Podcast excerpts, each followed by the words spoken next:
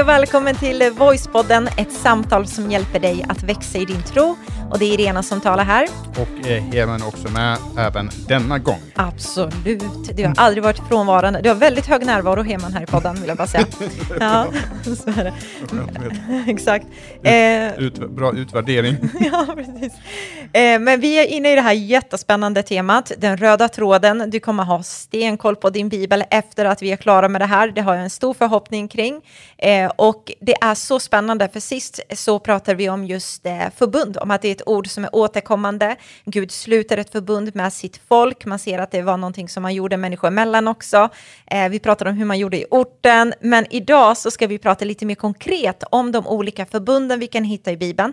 Vi har valt att plocka några stycken, fem stycken har vi valt att fokusera på, där vi faktiskt ska prata om i det stora, lite så övergripande, vad, mm. vad handlar det om, vad är tecknet för det, och, eh, och sen ska vi koppla an, som du pratade om, till Nya Testamentet. Så jag är supertaggad. Mm, det blir superbra. Ja. I förra avsnittet så pratade vi också om eh, hur, eh, att Guds nåd var med i Gamla Testamentet också.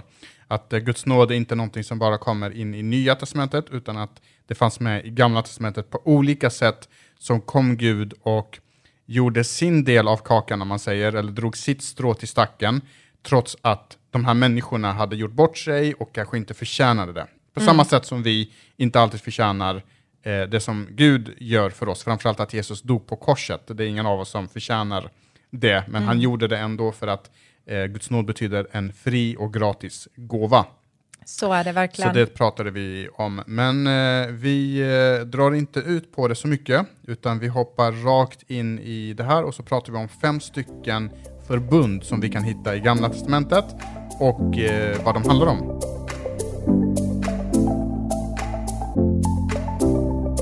Yes, så vi börjar ju med det första och eh, vi har tänkt fokusera på förbundet med Noa. Eh, och det kan du hitta i första Moseboken kapitel 6 och eh, från vers 8 så ser man hur Gud säger att på Noa så såg Herren med välvilja. Alltså mm. det finns en annan översättning. Jag måste bara, förlåt om jag ja, avbryter. Mitt, redan? Mitt, jag har inte ens börjat. mitt i ett flow, men när du sa ja. första Moseboken kapitel 6, vi är inne i avsnitt 6 i det här temat, så kanske någon undrar.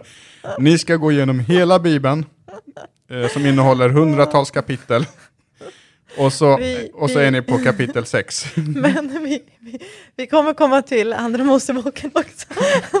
Nej men alltså. Nej, jag vill bara säga med det att vi kommer göra större hopp. Ja. Men i början, i de första kapitlen i Bibeln, det så händer, så det, ja, det händer väldigt mycket. Så därför behöver man verkligen gå in i det och sen så kommer vi zooma in ut lite på vissa områden så det att kommer vi, vi kommer komma fram i mål. Det känns som att man är på ett öppet hav och bara Vad ror och ror. flyter runt och man kommer liksom aldrig fram. Ja, men det, det kommer vi göra, så mm. ha tro.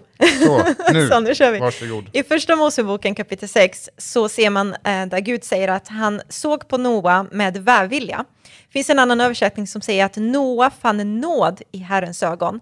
Och eh, situationen som vi nämnde förra gången var lite just det här att människorna har fått eh, Eh, men just det, man ser att situationen är ganska hemsk, människorna är syndiga och det gällde, det gällde också Noa, han var ju inte liksom skonad från det. Mm. Och vi pratar om att Gud såg vidden av den här mänskliga ondskan, han ville liksom Eh, han, han ångrade att han gjorde människorna, men ändå så visade Gud på nåd som vi pratar om och han vill rädda då Noa, han vill rädda hans familj och han säger jag ska ingå i ett förbund med dig. Mm. Och här kan vi ju säga det att ordet, eh, alltså när Gud ångrar sig i det här läget så är det inte att han har gjort någonting som blev fel och sen så, så, så, så ändrar han sig. Mm. För det, det, brukar vi säga att, att Gud liksom är, är densamma igår, idag, i alla evighet. Han är detsamma i Gamla Testamentet som han är i Nya Testamentet. Förutsättningarna har förändrats. Men, men när det talas om att Gud ångrade sig så är det snarare en ånger som har med en bedrövelse mm. att göra, inte en ånger i att oj, nu råkar jag spilla mjölken, det, det, det ångrar jag, eller oj, nu råkar jag sno någonting här, det, det ångrar jag. Så det är inte det, den typen av ånger. Nej. Jag vet att vi har fått den frågan förut. Ja, men det är jättebra att ta det igen.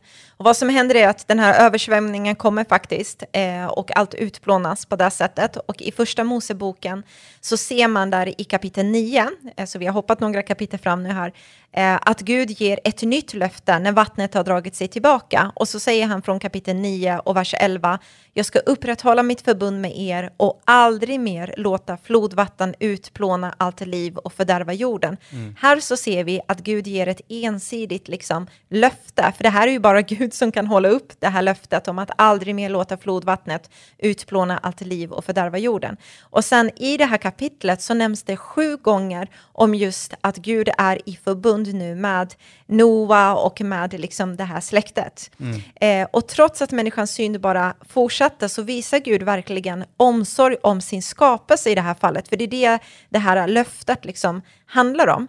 Mm. Eh, och vad vi kan se är att den här översvämningen, den förstörde ju den här första skapade ordningen som fanns från början, alltså den här perfekta tillvaron som Gud tänkte. Eh, men även trots den tragiska situationen som man faktiskt infinner sig i nu, att allt blev översvämmat, så ser man hur Gud ändå visar på nåd med en återupprättelse. Man kan säga här på något sätt att Gud trycker på restart-knappen, alltså mm. han startar om hela eh, skapelsen, men han börjar då med den här familjen av åtta personer, Noah, hans fru och så, mm. och, och, så barnen och så vidare.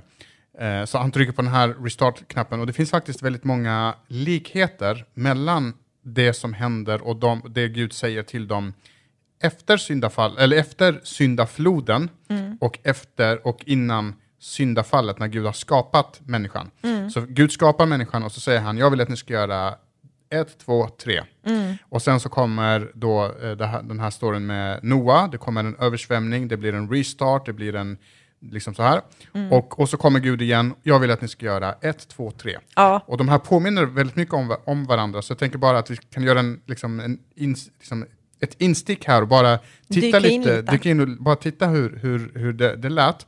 För att i första Moseboken kapitel 1, alltså innan syndafallet, när Gud har skapat människan, så står det att Gud välsignade dem, i vers eh, 28 så står det att Gud välsignade dem och sa var fruktsamma och föröke er eh, eh, och uppfyll jorden. Så det mm. var liksom det första.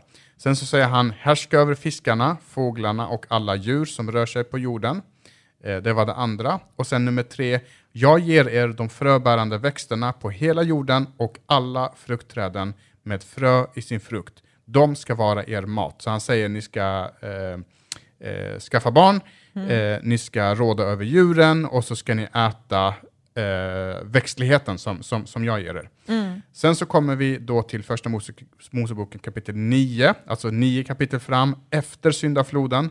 Och då står det så här i första Moseboken kapitel 9 och vers 1, så står det igen, och det här är alltså exakt samma sak som han sa till Adam och Eva, säger han nu, nu till Noas son. Var fruktsamma, Föröka er och uppfyll jorden. Så här kommer det här uppdraget igen, skaffa mm. barn. Eh, sen kommer nummer två, alla vilda djur och fåglar, allt som rör sig på marken och fiskar i havet kommer att eh, vara rädda och känna skräck för er, för jag har ställt dem under er makt. Så en variation, att vi ska mm. vara Liksom, råda fortfarande. Råda över, över mm. eh, det här. Och sen nummer tre så står det, allt levande som rör sig eh, ska vara er föda, liksom jag har gett de gröna växterna. Och det här egentligen, här kommer en liten en variation på, på det där. För i, innan syndafallet så säger Gud till dem att ni får äta av alla fröbärande växter på hela jorden och alla fruktträd med frö i sin frukt. Så vi fick, i princip så var människan vegetarian mm. innan syndafallet. Ja. Kanske inte många som gillar att, att höra det. Och sen efter syndafallet, när han ska ge de här buden igen, då lägger han till allt levande som rör sig ska mm. vara er föda. Så då, saker som, som rör sig. Så det kan man så här, fördjupa sig i. Vad betyder det rent teolog teologiskt? Äter vi kött för att, vi eh, efter, att det kom efter syndafallet, att det inte var tanken från början? Jag vet mm. inte, det är inte så populärt att tänka så. Eh, eh, vi äter kött, vi försöker äta jättemycket grönsaker. Men, men det är ändå en, en intressant eh, tanke tycker jag. Jo, men det är det absolut. Och det vi kan se framför allt det som vi ska få med oss utifrån den här händelsen är den här återupprättelsen som Gud gör igen. Mm. Eh, och att Gud, på ett sätt gör han en restart, men ändå inte för att från början, eh, vad jag menar med det är att han har med sig släktträdet från Adam och Eva, så kommer ju Noa därifrån och det finns en viss poäng med det, så det är viktigt att man får med sig det i allt det vi säger, hur Gud bevarar den röda tråden, att det finns eh, ett syfte med det. Så när Gud ger det här löftet så sätter Gud ett tecken på himlen och det är den här regnbågen.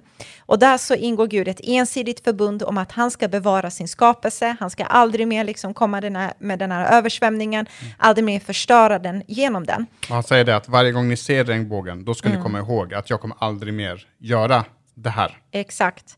Så vi hoppar över till nästa förbund. Mm. förbund med Abraham. Det kan man hitta i Gamla Testamentet. Och Abraham var 99 år gammal när Gud kommer in i hans liv och i Sarans liv och så ger han ett löfte till honom om att han ska liksom få oräkneligt antal med ättlingar. Alltså han ska få eh, barn som bara växer generation efter generation efter generation som kommer där och de ska, han ska bli far till många folk.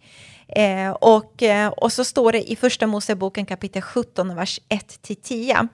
Eh, hinner vi läsa det Heman eller ska vi eh, kanske bara referera till det? Det är lite långt, men eh, vi kan referera till det. Så mm. Första Moseboken kapitel 17, 1-10, så kan du bara återberätta lite vad, vad det mm. står. Mm. Ja, men precis. Gud uppenbarar sig som sagt för Abraham, han är 99 år gammal, och sedan så säger han att det här är mitt förbund med dig, du kommer bli far till många folk. Vi du kan ska... läsa kanske bara vers 7 eh, som är nyckelversen. ja, men det, det, gör vi. Bra. Mm. Jag ska upprätta ett förbund mellan mig och dig och dina ättlingar, generationer efter generationer, ett evigt förbund. Jag ska vara din Gud och dina efterkommandes Gud. Mm. Och där så ger Gud löftet om landet de ska inta, om hur de ska bli välsignade. Eh, och Abraham var 99 år gammal när han eh, omskar sig, vilket var liksom det här som var tecknet för, för förbundet, omskärelsen. Jag, jag, måste bara säga, jag, jag vet, är, vi pausar här. Jag är så tacksam att jag inte levde på den här tiden.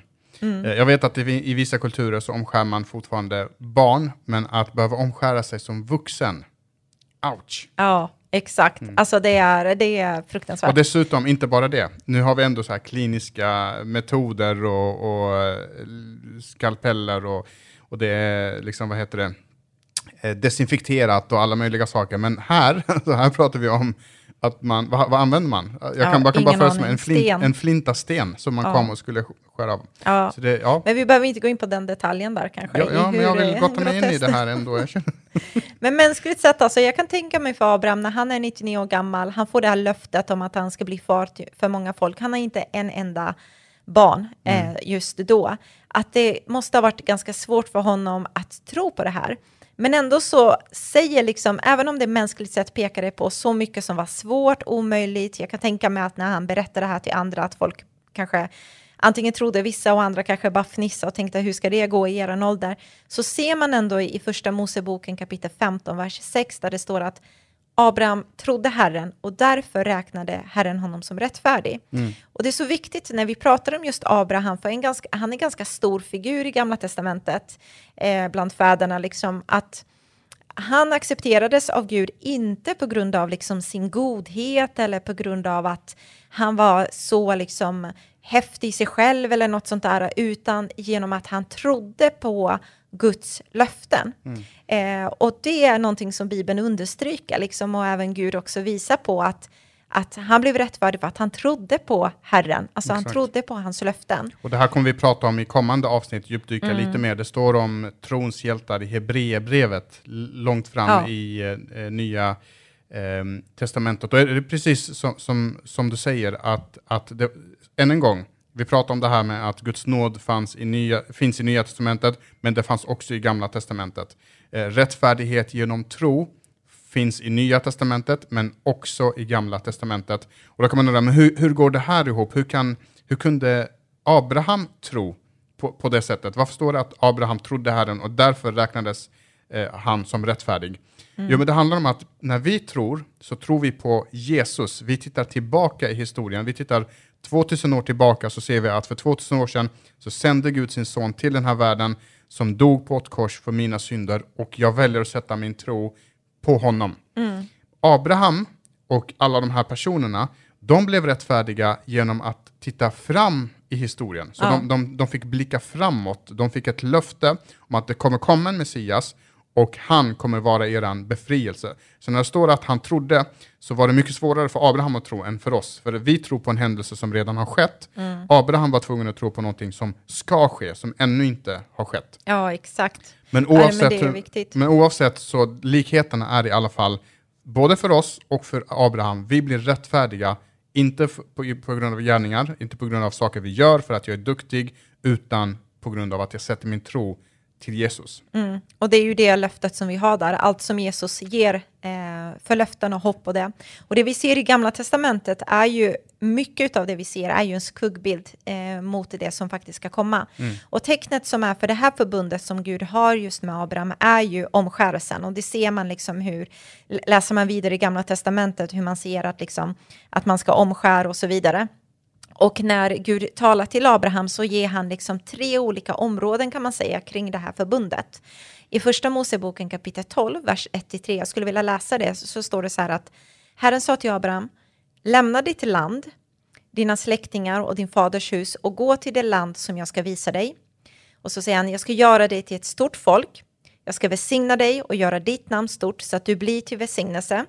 Jag ska välsigna dem som välsignar dig och förbanna dem som hädar dig och genom dig ska alla jordens släkter bli välsignade. Mm. Så utifrån det här stycket där Gud liksom ger det här löftet, det här, det här förbundet eh, till Abraham. Och det här ska jag bara säga, det här vi pratade, vi liknade förbund med eh, giftermål. Att mm. man sa, jag ska älska dig i nöd och lust. Så det, det ett, eh, ett äkta par gör i det, när man säger jag ska älska dig och jag ska eh, vara tillsammans med dig i nödlust. det är det Gud gör här, fast gentemot Abraham. Mm, exakt, och, och, det vi kan se i den här texten är ju de här tre olika eh, delar som Gud lyfter fram. Alltså landet som du ska inta, ni ska bli ett stort folk och jag kommer också att välsigna er. Och om man tittar i den här texten så ser man tre olika delar. Vi ser att det är landet de ska inta, vi ser att de ska bli ett stort folk och vi ser att de ska få välsignelsen från Gud. Om man tittar på folkdelen så ser man att Abrahams ättlingar kommer att bli en stor nation som kommer att bli ett Guds eget folk. Och det understryks ganska mycket eh, och ganska häftigt tycker jag, just när Gud säger att jag ska upprätta ett förbund mellan mig och dig och dina ättlingar generationer efter generation, ett evigt förbund. Jag ska vara din Gud och dina efterkommandes Gud.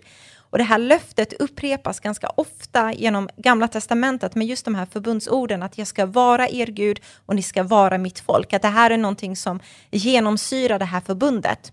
Tittar man på landet så ser man där att Abraham får order om att lämna sitt hemland. Han ska bege sig till ett annat land som Gud visar på att det här är det utlovade landet. Och Gud säger till honom att jag ska ge dig eh, hela Kanans land. Där kommer du liksom leva som främling, men du kommer få det här och ättlingarna kommer liksom, ni kommer bara spridas så att säga och jag ska vara eran Gud.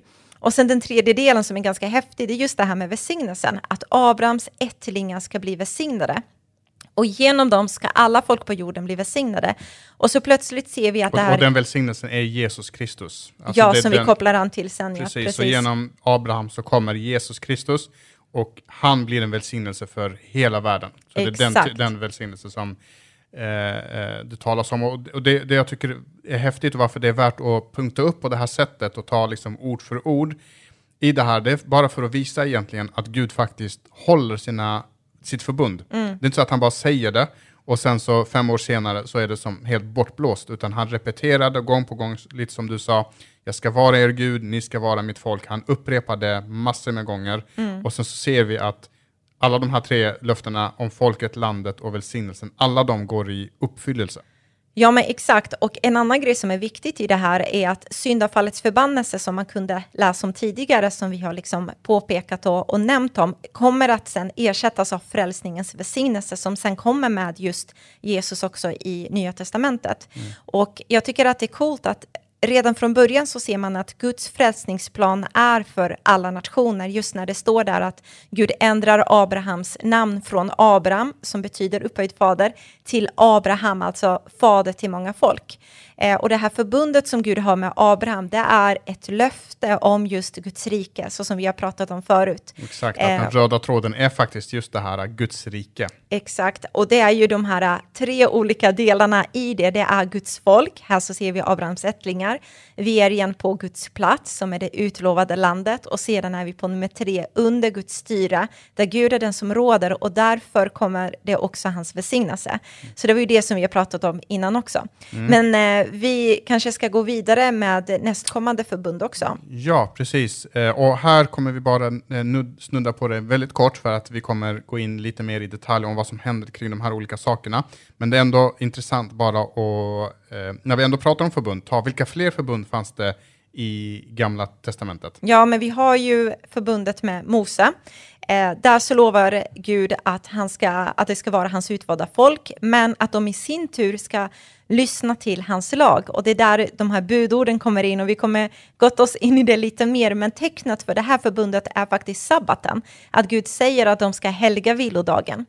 Och alla dessa förbund är ju olika, men de är väldigt sammanlänkande. Det är liksom all, alla är en del av Guds eviga plan av att rädda oss sen genom Jesus. Och den här röda tråden är verkligen en hel eh, tydlig och tajt tråd liksom genom hela Bibeln. Sen ser man förbundet med David, det är också en förbund som man kan kika på. Eh, och det här förbundet hänvisar till Guds löften, eh, där David eh, får liksom Guds ord genom profeten Natan. Eh, man kan läsa om det i Andra Samuelsboken kapitel 7, man kan läsa om det i Första krönikaboken kapitel 17.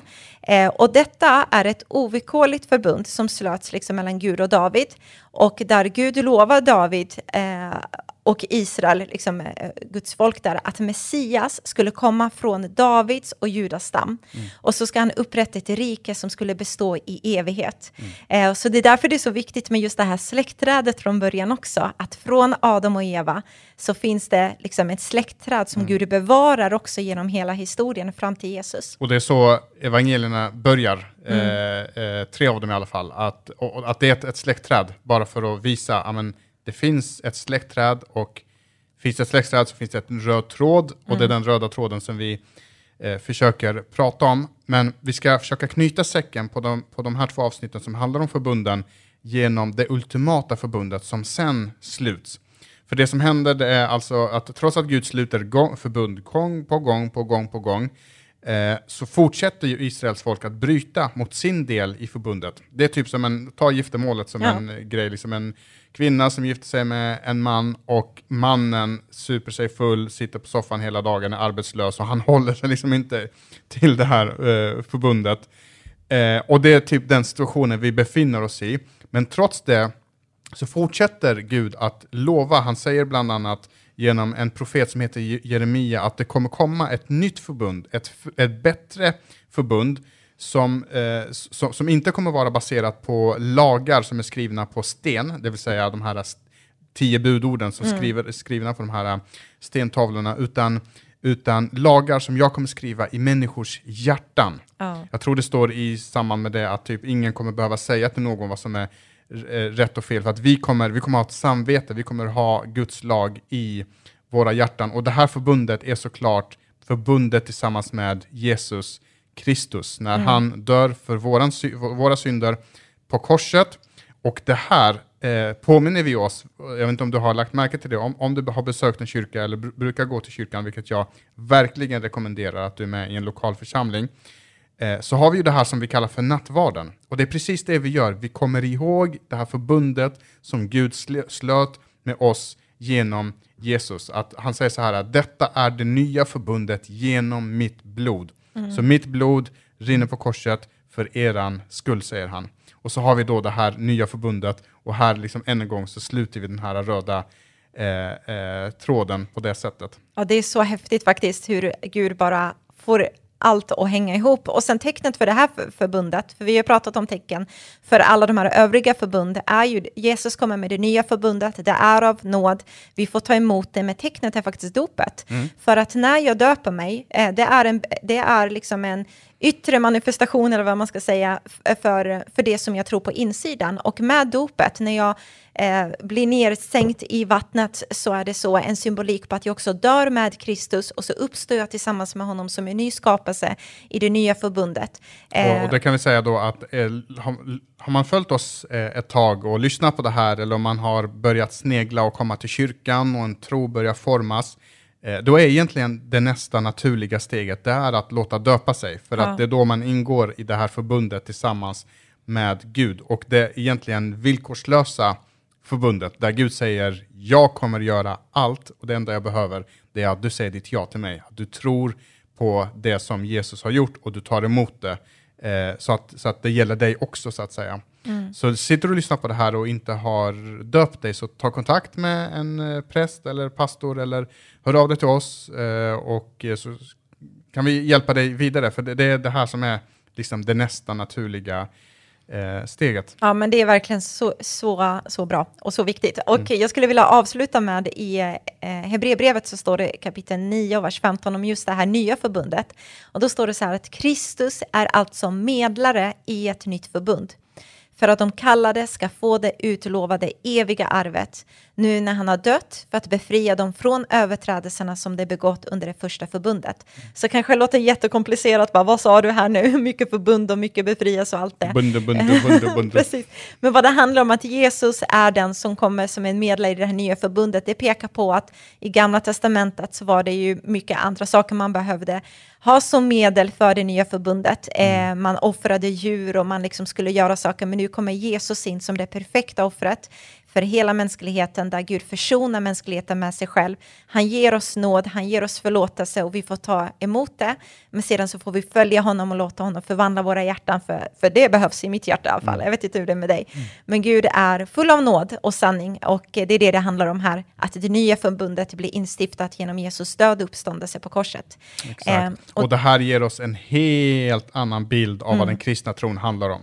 Kristna tron handlar inte om att eh, eh, liksom Jesus is my homeboy ungefär, jag får Jesus att bli det jag, det jag vill, utan det här handlar om en lång historia som faktiskt har ägt rum. Mm. Det är ett, ett, folk som har levt, det är Gud som har kommit in och gjort saker och, och, och, och en, en, Gud som kliver ner och blir människa och dör på ett kors och, och, för att sluta ett förbund. Och när jag säger mitt ja till Jesus så säger jag ett ja till ett förbund tillsammans med honom. Mm. Och det är därför vi ibland sjunger så här, jag har beslutat att följa Jesus och aldrig mer tillbaka gå. Alltså det är inte när livet skiljer oss åt om jag får för mig någonting annat, utan det är verkligen när, inte ens döden i det här fallet, mm. nu, ja, jag kom på det faktiskt. själv, inte ens döden kan skilja oss åt. för han säger ju det, att när vi dör så ska vi leva i evighet. Ja. Så det, var, det är också en, en häftig grej som en bonus för min del. Precis. Ja, men det är superbra. Vi kanske ska eh, avrunda nu, men vi kommer ju prata mycket, mycket mer om det här eh, i Gamla Testamentet kopplat till Nya Testamentet och allt vad Gud gör genom sitt folk. Eh, och jag tror att du kommer bli mer och mer styrkt i din tro faktiskt, ju mer du lyssnar på det här. Så tack för att du lyssnar och eh, är det någonting du undrar över som jag oftast brukar säga hör av dig till oss så finns vi här. Annars får du gärna hjälpa oss att sprida det här. Lägg en kommentar, lägg en recension om du inte redan har gjort det. Eh, där podden finns så skulle vi uppskatta det massor. Så kom ihåg att du är älskad av Gud och han är med dig och eh, han älskar dig som sagt. Ha det bäst nu. Yes, hej då. Hej då.